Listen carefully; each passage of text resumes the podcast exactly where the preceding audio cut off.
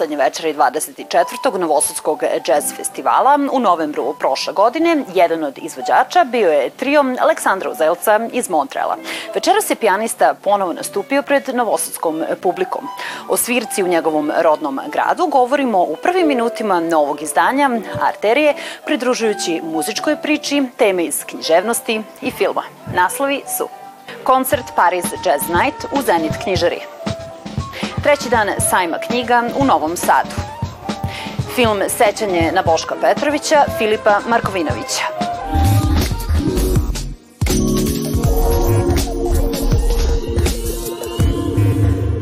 najavljen kao sjajan jazz session na koncertu u Zenit knjižari kao specijalan gost na klaviru nastupio je Aleksandar Uzelac, poznat po eklektičnim interesovanjima. Dobroveče i čestitke na izvođenju. Bolje vas našli, hvala. Na prošlogodišnjem Novosadskom jazz festivalu publika imala prilike da čuje numere sa vašeg autorskog albuma Lullaby for Outrage. Šta se večera slušalo na koncertu nazvanom Paris Jazz Night? Ovom prilikom je potpuno nešto novo e, u odnosu na ono što sam ja prezentovao. Moj prijatelj Daniel Beža koji je iz Pariza i s kojim već dugo sarađujem, me pozvao da budem gost na njegovom jednostavnom projektu koji se zove Paris Jazz Night gde on izvodi poznate numere uh, Djanga Reinharta i uopšte tog stila gypsy jazz, jazz manouche, tako da ćemo izvoditi repertoar uh, ono što je u Parizu rođeno i ono što je tamo doživilo najveći uspeh, to su muzika Djanga Reinharta i gypsy jazz. Ideja je da oživimo jazz u Novom Sadu i sad malo jeste paradoksalno da gospodin koji dolazi iz Pariza ima nameru da oživi jazz u Novom Sadu, ali mi smo novosađeni tu da se ujedinemo sa ljudima koji su džezeri i da e, probudimo džez i ideja je da svake nedelje u ovom predivnom prostoru Zenit Books e, da se održavaju džez svirke.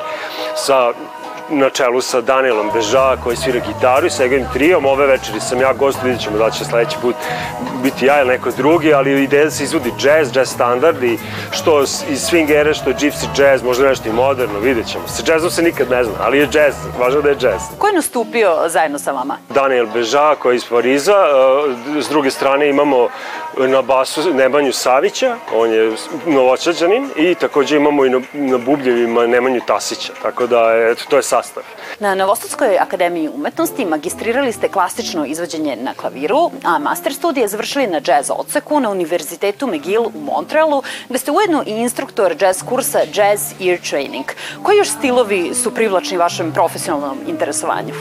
Pa ja sam dok sam studirao na našoj akademiji sam istraživao i world music stilove, uopšte i stilove gde postoji, da kažem, jedan slobodniji pristup i impro, gde postoji improvizacija, tu sam ovaj, uvek bio uključen.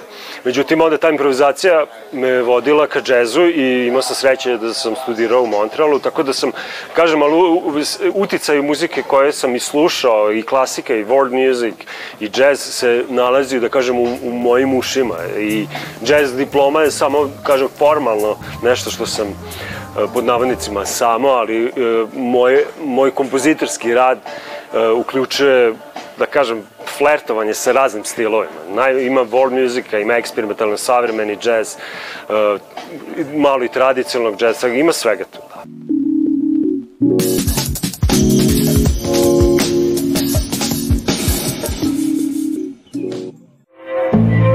Okviru programa Gostujući pisac na sajmu knjiga predstavio se multimedijalni umetnik Nenad Janković, poznatiji po pseudonimu dr. Nele Karajlić, koji se jednako uspešno bavi muzikom, filmom, televizijom, pozorištem i književnošću.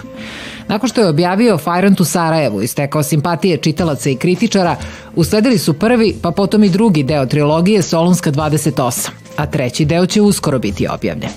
Treći dio govori o onome po znacima navoda ljepšem periodu, to je periodu kada je Beograd bio neka centar velike Jugoslavije, kada je ta popularna kultura koja je koja je, koja je jel, i dan danas živi, od tada doživjela svoje periklovo doba. Treći dio bi trebalo da ima pod naslov seks, droga i rock and roll, jer ona se u stvari bavi tim, tom temom koja je meni mnogo bliža nego tema prvog svjetskog i drugog svjetskog rata. Posvećene ljudima i istorijskim događajima sa našeg podneblja. Prva Solunska 28 monumentalna je saga o jednoj kući, jednom gradu i dva sveta u kojoj nas autor vodi u Beograd s početka 20. veka. Dok su u njenom fokusu i pod naslovu pokretački motivi novac i strast, drugi deo trilogije progovara o prijateljstvu, izdaji i svemu što je snašlo stanare Solonske 28 tokom drugog svetskog rata. S obzirom na to da je za prvi deo trilogije ovenčan nagradom Momo Kapor i da tekstove iz pera doktora Neleta Karajlića kritičari ocenjuju kao pravi čitalački užitak protka neiscrpnom energijom čoveka koji uspeva da se izbori sa brojnim umetničkim izazovima, Ne čudi što publika sa nestrpljenjem iščekuje što skoriji datum izlaska trećeg dela romana. A Nelet u piscu je teško da se uhvati u košta sa Neletom muzičarem koji je trenutno u ekspanziji. Tako da kad ga, udga, kad ga uguši, onda će moći fino da nastavi da, da piše, ovaj, da, da, da završi konačno Solunsku, trilogiju Solunske 28. Na Novosadskom sajmu knjiga predstavljen je priručnik za solidan život Olivere Zulović, dobitnik nagrade politikinog zabavnika Najbolje delo za decu i omladinu u 2022. godini. Ova nagrada praktično je pandan Ninovoj nagradi u oblasti književnosti za mlađe čitaoce, no to nikako ne znači da je njena publika isključivo u mlađim naraštajima. Priručnik za solidan život je knjiga koja je pisana zapravo za odrasle. Ja sam je pisala inicijalno za odrasle, ali kad je kad je objavljena, počela sam da dobijam reakcije od mladih e, ljudi. Tako da se na kraju ispostavilo da ta knjiga i nema nekakvu homogenu čitalačku publiku, već je i za odrasle i za, i za tinejdžere. Priručnik za solidan život je zanimljiv naslov jer ima puno priručnika, a ove, svi priručnici su za nešto najbolje, ali ne za solidan život. Nisam nikakav ekspert za solidan život i iskrena da budem i dan danas ne znam šta je solidan život. Htela sam da ispričam priču o prijateljstvu i da je već sasvim dovoljno dobro ove, da živite ove, ako imate bar jednog prijatelja na svetu.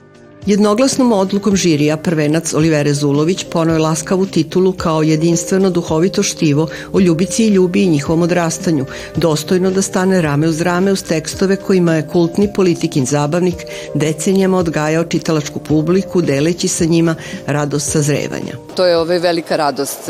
Ja nisam razmišljala o nagradama ovaj, u tom smislu, ali ovaj, posle tih reakcija mlađih ljudi shvatila sam da je uh, zabavnik uh, dobro društvo i za, i za ovaj naslov.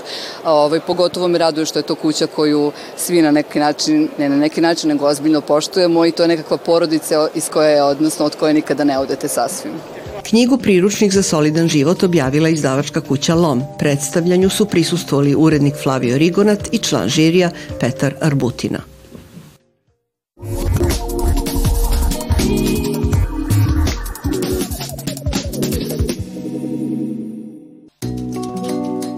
Istražujući mapu grafika za spomenik ropstvu nastalih od 1941. do 1944. godine slikara, tapiseriste, ali i bunđe i ratnika Boška Petrovića, Dragana Garić-Jovičić, viša kustoskinja i autorka izložbe Boško Petrović, skice za velika dela, otvorene u Muzeju Vojvodine poslednjih dana prošle godine i reditelj Filip Markovinović došli su na ideju da urade prigodan video materijal. Reditelj Filip Markovinović i ja tragom toga da mi nemamo ništa osim je podatke iz inventarne knjige gde piše da je poklonio Milan Kerac, slikar 1970. I u stvari smo želeli da pokušamo da dođemo do sagovornika koji se sećaju ratnih godina Boška Petrovića, a, ali nažalost nismo uspeli. Umesto toga krenuli su snimanje brojnih svedočenja Petrovićeve čerke Višnje, njegovih nekadašnjih studenta, kolega, umetnika, prijatelja.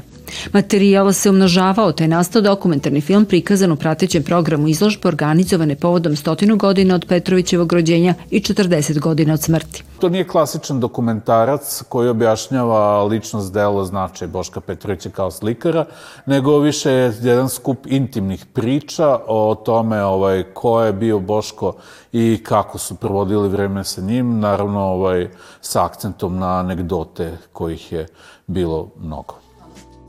Zbog velike vremenske distance o Petroviću za film nisu mogli da govore njegovi najbliži saradnici i prijatelji poput preminulog Jovana Soldatovića. Čovek sa uticajem, a bez velikih funkcija, Boško Petrović uspeo je da osnuje institucije poput Atelja 61 i bude jedan od inicijatora Akademije umetnosti u Novom Sadu. Dokumentarac kao film sećanja sasvim sigurno za koju deceniju postaće vredan arhivski materijal za dalje istraživanje Petrovićevog dela. Sutra će u okviru Međunarodne umetnosti Art Expo na Novosadskom sajmu knjiga 25. put biti uručena nagrada Sava Šumanović za likovno stvaralaštvo. Ime najnovijeg dobitnika otkrivamo u narednoj arteriji. Prijatelj!